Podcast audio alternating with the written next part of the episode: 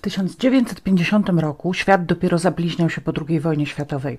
Tymczasem nowa wojna już trwała. Do walk w Korei włączyła się piechota amerykańska i wojska Chińskiej Republiki Ludowej. W Austrii po raz ostatni wykonano karę śmierci, a w czeskich Budziejowicach odbył się ostatni kurs tramwaju. Chuck Cooper został pierwszym w historii czarnoskórym graczem NBA i rozegrał swój pierwszy mecz w barwach drużyny Boston Celtics, zaś w Europie Giuseppe Farina został pierwszym mistrzem świata Formuły pierwszej. Rozpoczęło nadawanie Radio Wolna Europa, a swoją uroczystą premierę miał film Bulwar zachodzącego słońca. W Polsce w 1950 roku powstały uczelnie medyczne w Lublinie, Łodzi, Poznaniu, Warszawie i Wrocławiu. W Białymstoku zanotowano rekord ujemnej temperatury minus 38,4 stopnia Celsjusza. Sejm uchwalił kodeks rodzinny, w którym wiek pełnoletności obniżono z 21 do 18 lat. Ministerstwo Rolnictwa i Reformy Rolnej wydało oficjalny komunikat o zrzuceniu przez amerykańskie samoloty u polskich wybrzeży masowych ilości stonki ziemniaczanej, która po wydostaniu się na brzeg rozpleniła się po całym kraju. Rząd podjął uchwałę o budowie metra w Warszawie, a wcześniej kursowanie rozpoczęła pierwsza warszawska taksówka miejska. Sama Warszawa nadal składała się w zasadzie z dwóch części. Ta na lewym brzegu Wisły, niemal kompletnie zniszczona, w rezultacie powstania warszawskiego, powstania w getcie i późniejszych pacyfikacji dopiero się odbudowywała. Spośród nowych budynków co chwila wyglądały gdzieś ruiny, transport nawalał na każdym kroku, a z zaopatrzeniem, w tym w żywność, bywało różnie. Za to nie wybuch można było znaleźć niemal wszędzie. Prawobrzeżna część miasta nie była objęta walkami powstańczymi i uniknęła późniejszych represji. Powracający warszawiacy głównie tu znajdowali kwatery, pracę i organizowali swoje nowe powojenne życie.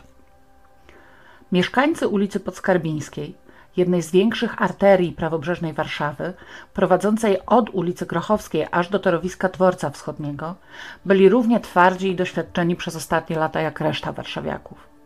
Zapewne radością był dla nich fakt, że to przy ich ulicy oddano do użytku kino 1 Maj, pierwsze na prawym brzegu kino wybudowane po wojnie. Jednak 7 kwietnia 1950 roku na ulicę Podskarbińską padł cień. Idący z samego rana do pracy mężczyzna koło torów kolejowych przebiegających 50 metrów od ulicy zauważył leżący kształt.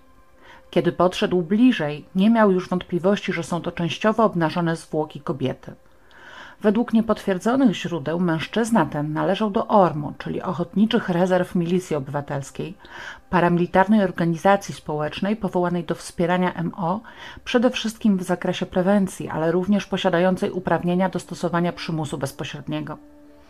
Zachował zimną krew i wezwał milicję, która przystąpiła do wykonywania swoich czynności. Nie ulegało wątpliwości, że kobieta została zamordowana. Jej twarz była zmasakrowana na skutek wielu uderzeń. W pobliżu głowy leżał spory kamień ze śladami krwi. Dolna część ciała była obnażona, sukienka i bielizna podarte. Kobieta leżała na plecach, pod pośladki miała podłożone kilka dalszych kamieni, nogi rozchylone. Milicjanci doszli do przerażającego wniosku, że została zgwałcona pośmiertnie. Na jej szyi widoczne były liczne otarcia na skórka i siniaki po uciśnięciach. W pobliżu leżał niemiecki pas wojskowy ze spiłowanym napisem na klamrze Gott mit uns. Ślady niedawnego noszenia pozwoliły przyjąć, że należał do sprawcy i tym pasem próbował on najpierw udusić ofiarę, a dopiero potem, pewnie na skutek jej oporu, roztrzaskał jej głowę kamieniem. Według lekarza śmierć miała miejsce 12 do 16 godzin wcześniej, a więc po południu lub wieczorem poprzedniego dnia. W pobliżu miejsca znalezienia zwłok odkryto kilkumetrowy ślad wleczenia, co doprowadziło milicjantów do założenia, że do morderstwa doszło w innym miejscu, a następnie sprawca przemieścił zwłoki w pobliże torów. Przeczyły temu zeznania kilku spośród rozpytanych dróżników, którzy słyszeli krzyki w okolicy przejazdu kolejowego przy ulicy Podskarbińskiej. Najbardziej logiczne wydaje się, że obie wersje są słuszne. Sprawca zaatakował w pobliżu przejazdu, a po podduszeniu ofiary pasem przeciągnął ją bliżej torów, gdzie zabił kamieniem i zgwałcił. Próba użycia psa tropiącego nie powiodła się, kluczył on po całej okolicy, nie podejmując tropu, chociaż jak się później okazało, morderca w tym czasie stał w tłumie i przyglądał się pracy milicjantów. Z uwagi na zmasakrowaną twarz i brak dokumentów tożsamości, dopiero po kilku godzinach zmarłą zidentyfikowali mieszkańcy okolicznych domów. Była to Waleria Eł, czterdziestoletnia wdowa, matka dwójki nieletnich dzieci. Mieszkała przy ulicy Księżnej Anny, a więc dokładnie po drugiej stronie torów od miejsca, gdzie odnaleziono jej ciało. To uprawdopodobniało wersję, że została zaatakowana na Podskarbińskiej w drodze do przejazdu prowadzącego do jej domu na Księżnej Anny, a następnie przeciągnięta bliżej torów. Waleria według sąsiedzkiej opinii była osobą spokojną, skromną, skupioną na wychowywaniu dzieci. Nie było wiadomo, czy w ogóle miała jakiekolwiek życie towarzyskie, a już na pewno nie widywano jej w sytuacjach związanych z alkoholem czy mężczyznami. Pracowała jako pomoc domowa. Dorabiała u podmiejskich ogrodników i piorąc dla sąsiadów i znajomych. Poprzedniego dnia była widziana w towarzystwie mężczyzny, jednak nikt nie przyjrzał się temu mężczyźnie i nie udało się stworzyć jego rysopisu. Brutalność i seksualne podłoże przestępstwa wywołały sensację. O morderstwie Walerii mówili wszyscy. Kobiety z okolic dworca wschodniego bały się same chodzić przy torach. Poszukiwania sprawcy utkwiły jednak w martwym punkcie. Nie pozostawił żadnych śladów, a sąsiedzi, którzy widzieli Walerię w towarzystwie mężczyzny, nie potrafili podać rysopisu. Być może w codziennym zamieszaniu sprawa w końcu ucichłaby, gdyby 7 maja, we wczesnych godzinach porannych, 24-letnia Irena L. nie weszła do 17 komisariatu MO, słaniając się na nogach i podtrzymując na sobie resztki porwanego ubrania. Historia, którą opowiedziała, brzmiała zupełnie nieprawdopodobnie. Otóż poprzedniego dnia, około godziny 23, kiedy szła pieszo z kina do domu, została przy ulicy Żmirskiego zaczepiona przez nieznajomego młodego mężczyznę. Z wyglądu miał około 25 lat, ubrany był w drelichowy mundur. Po krótkiej szamotaninie zaciągnął ją na pobliskie pole, pobił i zgwałcił. Po gwałcie zaczął z nią rozmawiać. Przedstawił się jako Zygmunt, Zapytał, gdzie mieszka. Kiedy Irena wskazała palcem jeden z pobliskich budynków, stwierdził: Mieszkasz w domu kaskarz Maciaka. Następnie, grożąc dziewczynie uduszeniem i częściowo prowadząc, zawlókł ją nad jeziorko gocławskie, gdzie zmusił, aby sama się rozebrała i ponownie zgwałcił. Nad jeziorem przebywała z nim około godziny i w tym czasie znów zaczął opowiadać o kalectwie swojego ojca, który nie ma nogi, o zamieszkiwaniu w pobliskich, zburzonych przed wojną barakach, o swojej pracy, którą wykonuje przy reflektorach. Irena zdołała mu się przyjrzeć i zapamiętała, że miał na sobie kompletny mundur wraz z pasem polowym i czapką rogatywką z orzełkiem. Ponadto, co bardzo istotne, brakowało mu małego i serdecznego palca lewej ręki.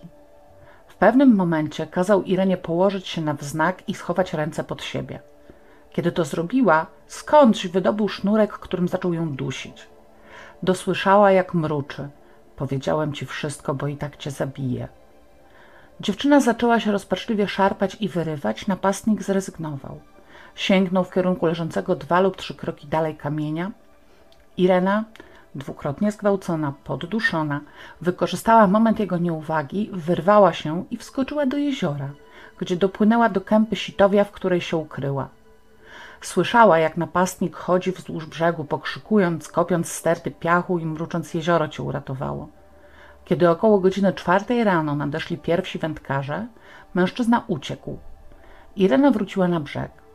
Według różnych źródeł albo poszła od razu na komisariat, albo najpierw do domu, a na komisariat przyszła z ojcem, co wydaje mi się mniej prawdopodobne z uwagi na powtarzające się relacje o porwanym ubraniu, w którym wciąż się znajdowała. Ojciec Ireny odegrał jednak znaczną rolę w sprawie, ponieważ tego samego dnia udał się w okolice jeziora na poszukiwanie płaszcza i pantofli córki. Spotkał wtedy dwie kobiety, które miały wspomniane fragmenty odzieży przy sobie. Z rozmowy z nimi dowiedział się, że w okolicy jeziora szukały syna jednej z nich, który uciekł z domu i ukrywał się w stogach siana. Zapytane o mężczyznę w trelichowym mundurze potwierdziły, że widziały tak ubranego człowieka, kiedy szedł w kierunku Alei Waszyngtona, niosąc jakiś ciemny materiał. Z odległości kilku metrów zawołały do niego, czy nie widział aby dziewiętnastoletniego chłopca. Mężczyzna potwierdził, że widział go koło jeziora i odszedł, zaś kobiety podążyły we wskazanym przez niego kierunku i znalazły płaszcz i pantofle Ireny. Dzisiaj rejon Jeziorka Gocławskiego jest zabudowany osiedlami powstałymi w latach 70. i późniejszych.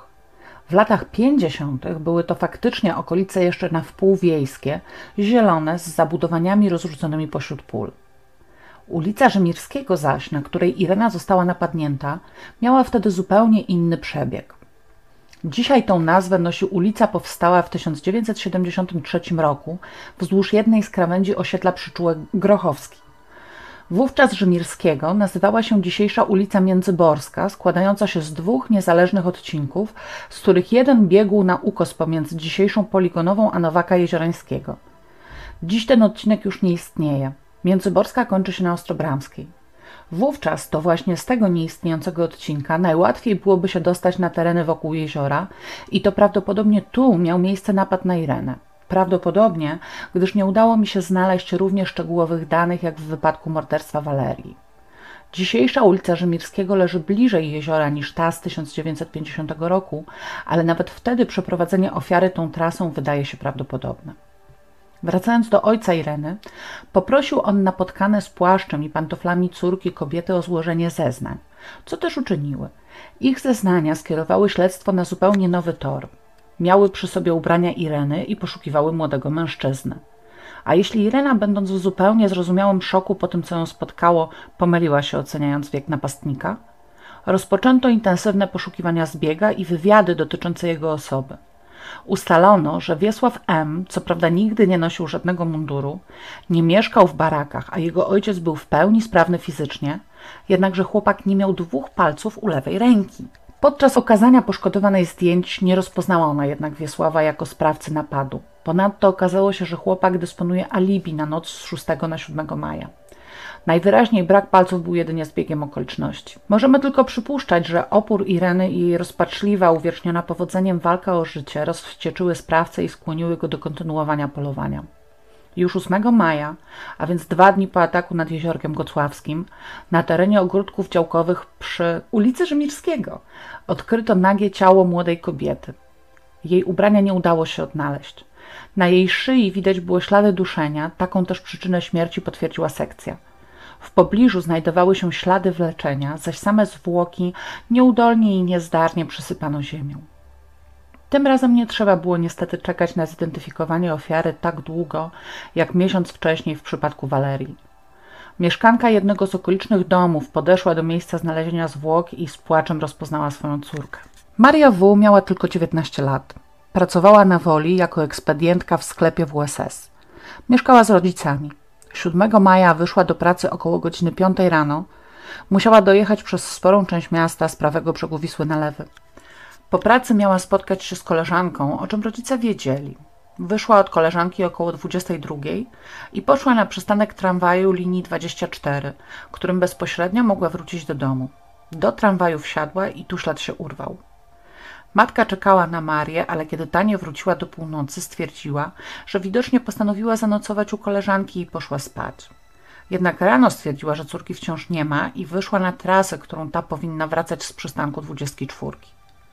Mijając ogródki działkowe, zwróciła uwagę na zbiegowisko i kiedy podeszła, zobaczyła własne dziecko. Po zakończeniu czynności na miejscu znalezienia zwłok Marii, okazało się, że sprawca znów nie pozostawił po sobie niemal żadnych śladów, jeśli nie liczyć fińskiego noża leżącego kilka metrów od zwłok, jednak bez śladów użycia go podczas zabójstwa.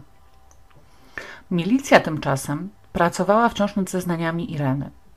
Próbowano zidentyfikować wszystkie szczegóły, które podał jej sprawca zwrócono się do wspomnianego przez niego Kaska Szmaciaka, ale ten nie pamiętał żadnego mężczyzny o imieniu Zygmunt. Potwierdzono natomiast, że w 1939 roku faktycznie wyburzono ciąg baraków mieszkalnych w okolicy Jeziorka Gocławskiego. Spróbowano odszukać ich mieszkańców i stosunkowo szybko zidentyfikowano i przesłuchano Stanisława Z., obecnie mieszkającego przy ulicy Świętosławskiej. Wskazał on kilku dawnych sąsiadów widzianych już po wojnie na ulicach stolicy. Ci wskazali kolejnych i w ten sposób ustalono 12 rodzin aktualnie mieszkających w Warszawie. Już w pierwszych rozmowach z byłymi mieszkańcami baraków wyszło na jaw, że inwalidą bez nogi może być jedynie 48-letni Józef Ołdak, ojciec trzech synów. Nie udało się jednak sprawdzić, czy którykolwiek z nich nie ma palców u ręki. Dwóch z nich Jerzy i Tadeusz, wciąż mieszkało w Warszawie, wezwano ich więc na przesłuchanie. 12 maja, zaledwie 4 dni po zabójstwie Marii i 5 dni po napadzie na Irenę, do szpitala Ministerstwa Zdrowia została przywieziona 18-letnia Barbara F., uczennica mieszkająca w Aninie, ofiara gwałtu. Jak zeznała, tego dnia wróciła ze szkoły kolejką i wysiadła na stacji w Aninie. Zwróciła wtedy uwagę, że nieznajomy mężczyzna proponuje idącej za nią kobiecie odniesienie paczki. Ta podziękowała i zeszła w boczną ścieżkę, a wtedy mężczyzna przyspieszył kroku i zrównał się z Barbarą. Zapytał ją o ulicę, której w Aninie nie ma. Chwycił oburącz za szyję i zaczął ciągnąć w las. Tam ją przewrócił i zaczął dusić. Wyraźnie czuła, że ucisk jego lewej ręki jest słabszy niż prawej. Straciła przytomność. Prawdopodobnie uratowało jej to życie. Kiedy odzyskała świadomość, mężczyzny już przy niej nie było. Nie miała swetra, pantofli, zegarka i teczki z książkami szkolnymi. Została zgwałcona. Nie była w stanie opisać wyglądu napastnika, jedynie z przekonaniem twierdziła, że był on ubrany po cywilnemu. Ponadto w czasie oględzin odnaleziono w pobliżu miejsca napadu życie Warszawy z tego samego dnia 12 maja ze śladami wycierania nią cieczy koloru bladej krwi, z której z niezrozumiałych przyczyn nie zbadano. Znów był to jedyny ślad i do tego ciężko było go połączyć z osobą sprawcy. Wcześniej, tego samego dnia, a więc 12 maja 1950 roku, miało się odbyć przesłuchanie braci Ołdaków.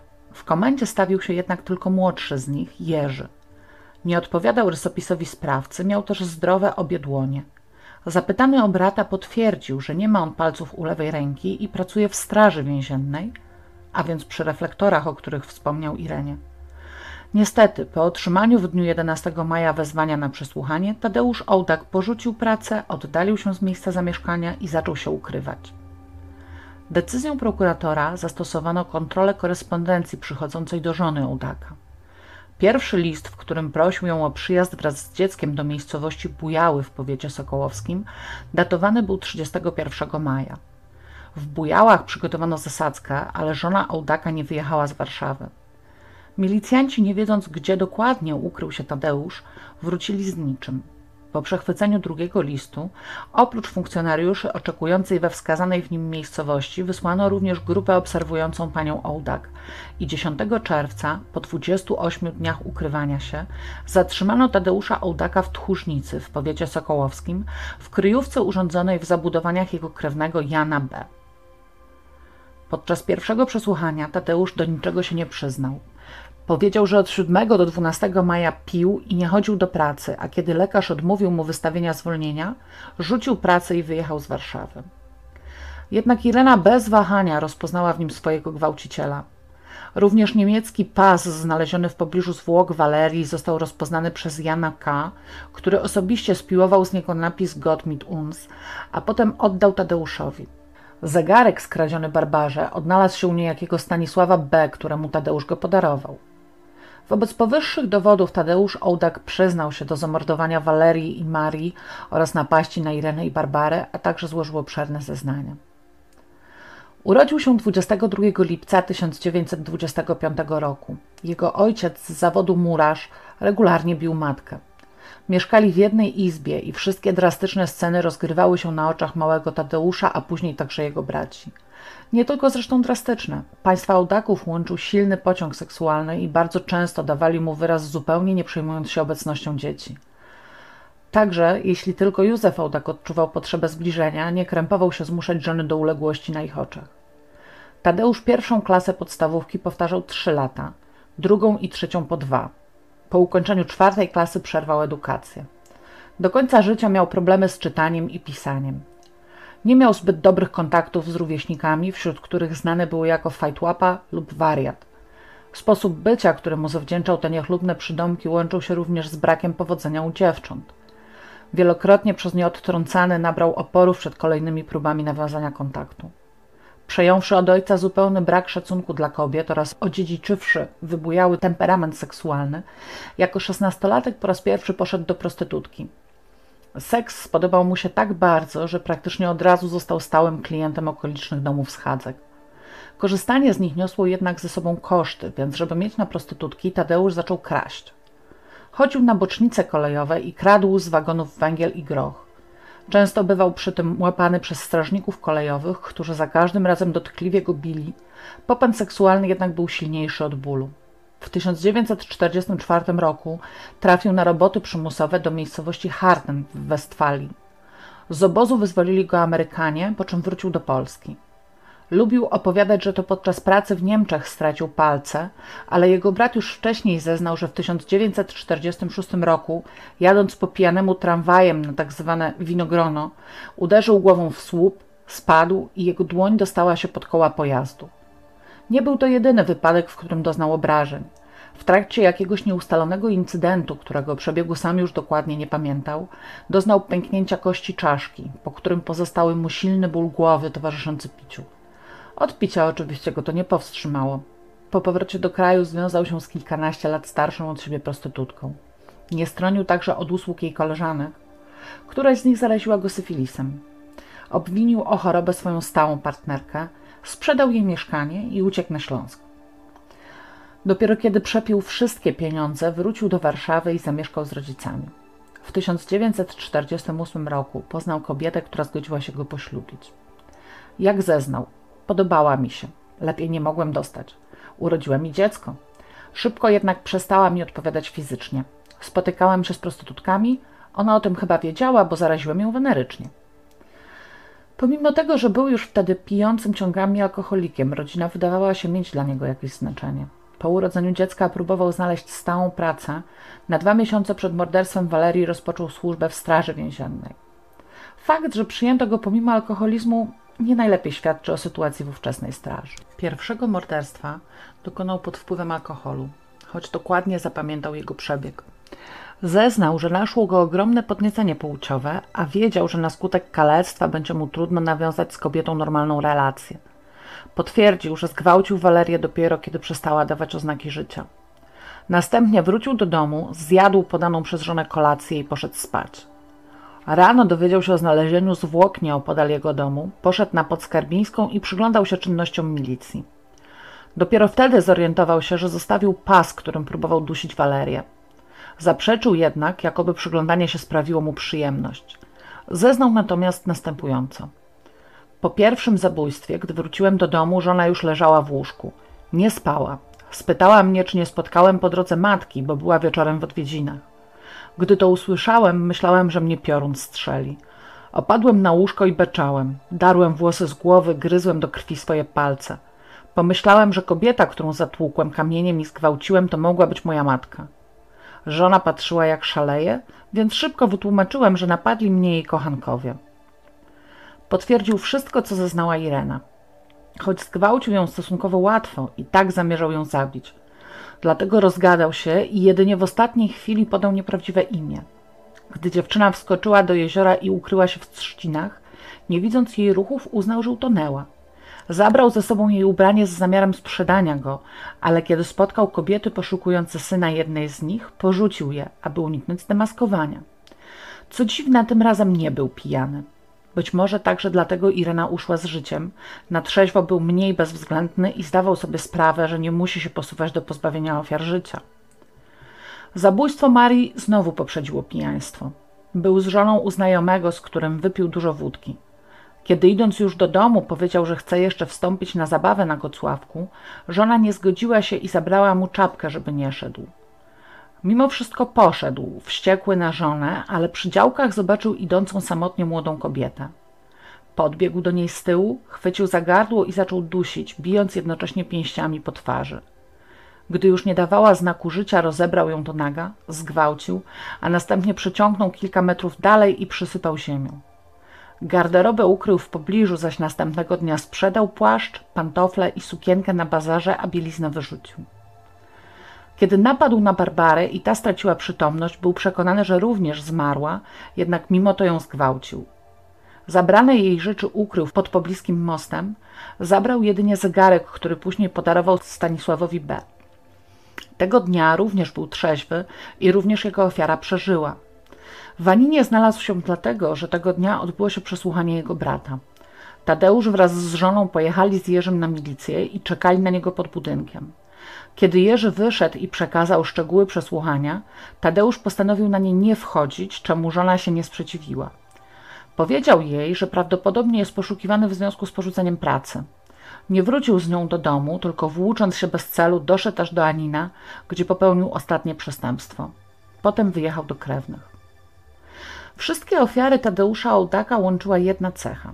Dziś powiedzielibyśmy, że to tak zwane ofiary niskiego ryzyka, prowadzące uregulowany tryb życia, pracujące lub uczące się, odpowiedzialne, mające znaną sytuację osobistą. Aż dziwne, że w powojennej, prawobrzeżnej Warszawie, gdzie, jakby się wydawało, ściągał każdy, morderca dobierający swoje ofiary przypadkiem trafił właśnie na te dziewczyny, którym teoretycznie nie powinno zbyt dużo zagrażać. A jednak. Być może właśnie dlatego, że prowadziły ustabilizowane, spokojne życie, były w pewien sposób mniej czujne, mniej świadome zagrożeń związanych z samotnym powrotem w środku nocy do domu. W czasie przesłuchań Ołdak zachowywał się normalnie. Nie okazywał skruchy, pozwalał sobie na cyniczne komentarze. W miarę jak zbliżała się data procesu, zamknął się w sobie. Unikał rozmów, był ciągle rozdrażniony. Szukał ratunku poza murami więzienia, wysyłał grypsy, jednak wszystkie przechwytywano. Pisał innymi Kochani, jesteśmy na Pradze, na Ratuszowej. Przysyłajcie paczki i bierzcie stanowczo adwokata, bo za wszystko odpowiadam ja, bo wziąłem wszystko na siebie.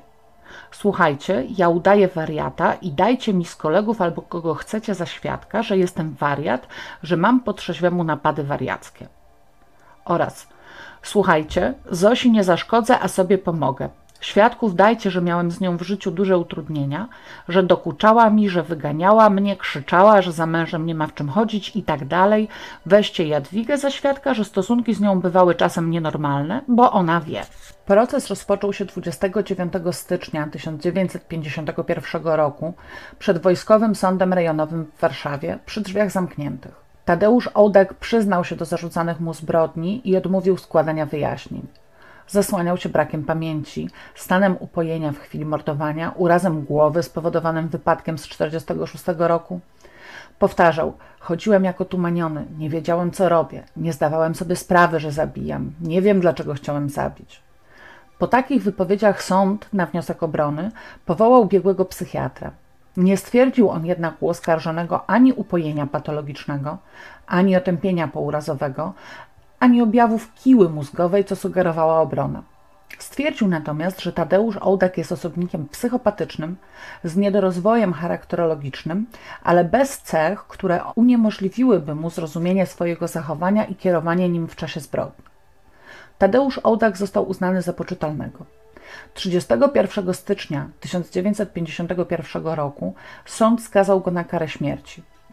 Obrona wniosła rewizję, powołując się na niepoczytalność oskarżonego i konieczność zbadania go w zamkniętym zakładzie psychiatrycznym, ale Sąd Najwyższy nie podzielił tego poglądu. Również prezydent Bolesław Bierut nie skorzystał z prawa łaski. Wyrok przez powieszenie wykonano o godzinie 20.20 10 kwietnia 1951 roku w więzieniu w Warszawie. Był to pierwszy po wojnie wyrok śmierci za przestępstwo kryminalne. Dzień dobry wieczór. Bardzo serdecznie Wam dziękuję za miłe powitanie, jakie zgotowaliście pierwszemu odcinkowi Notatnika. Specjalne ukłony dla Ani z kanału Corpus Delicti, dzięki której przywędrowało do mnie kilku miłych subskrybentów i dla wszystkich, którym chciało się napisać do mnie kilka słów, wielkie dzięki.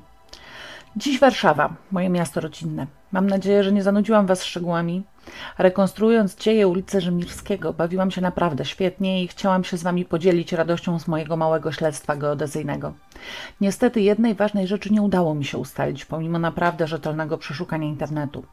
Jeśli ktoś z Was wie, gdzie w 1950 roku mieścił się szpital Ministerstwa Zdrowia, będę bardzo wdzięczna za podzielenie się wiadomościami.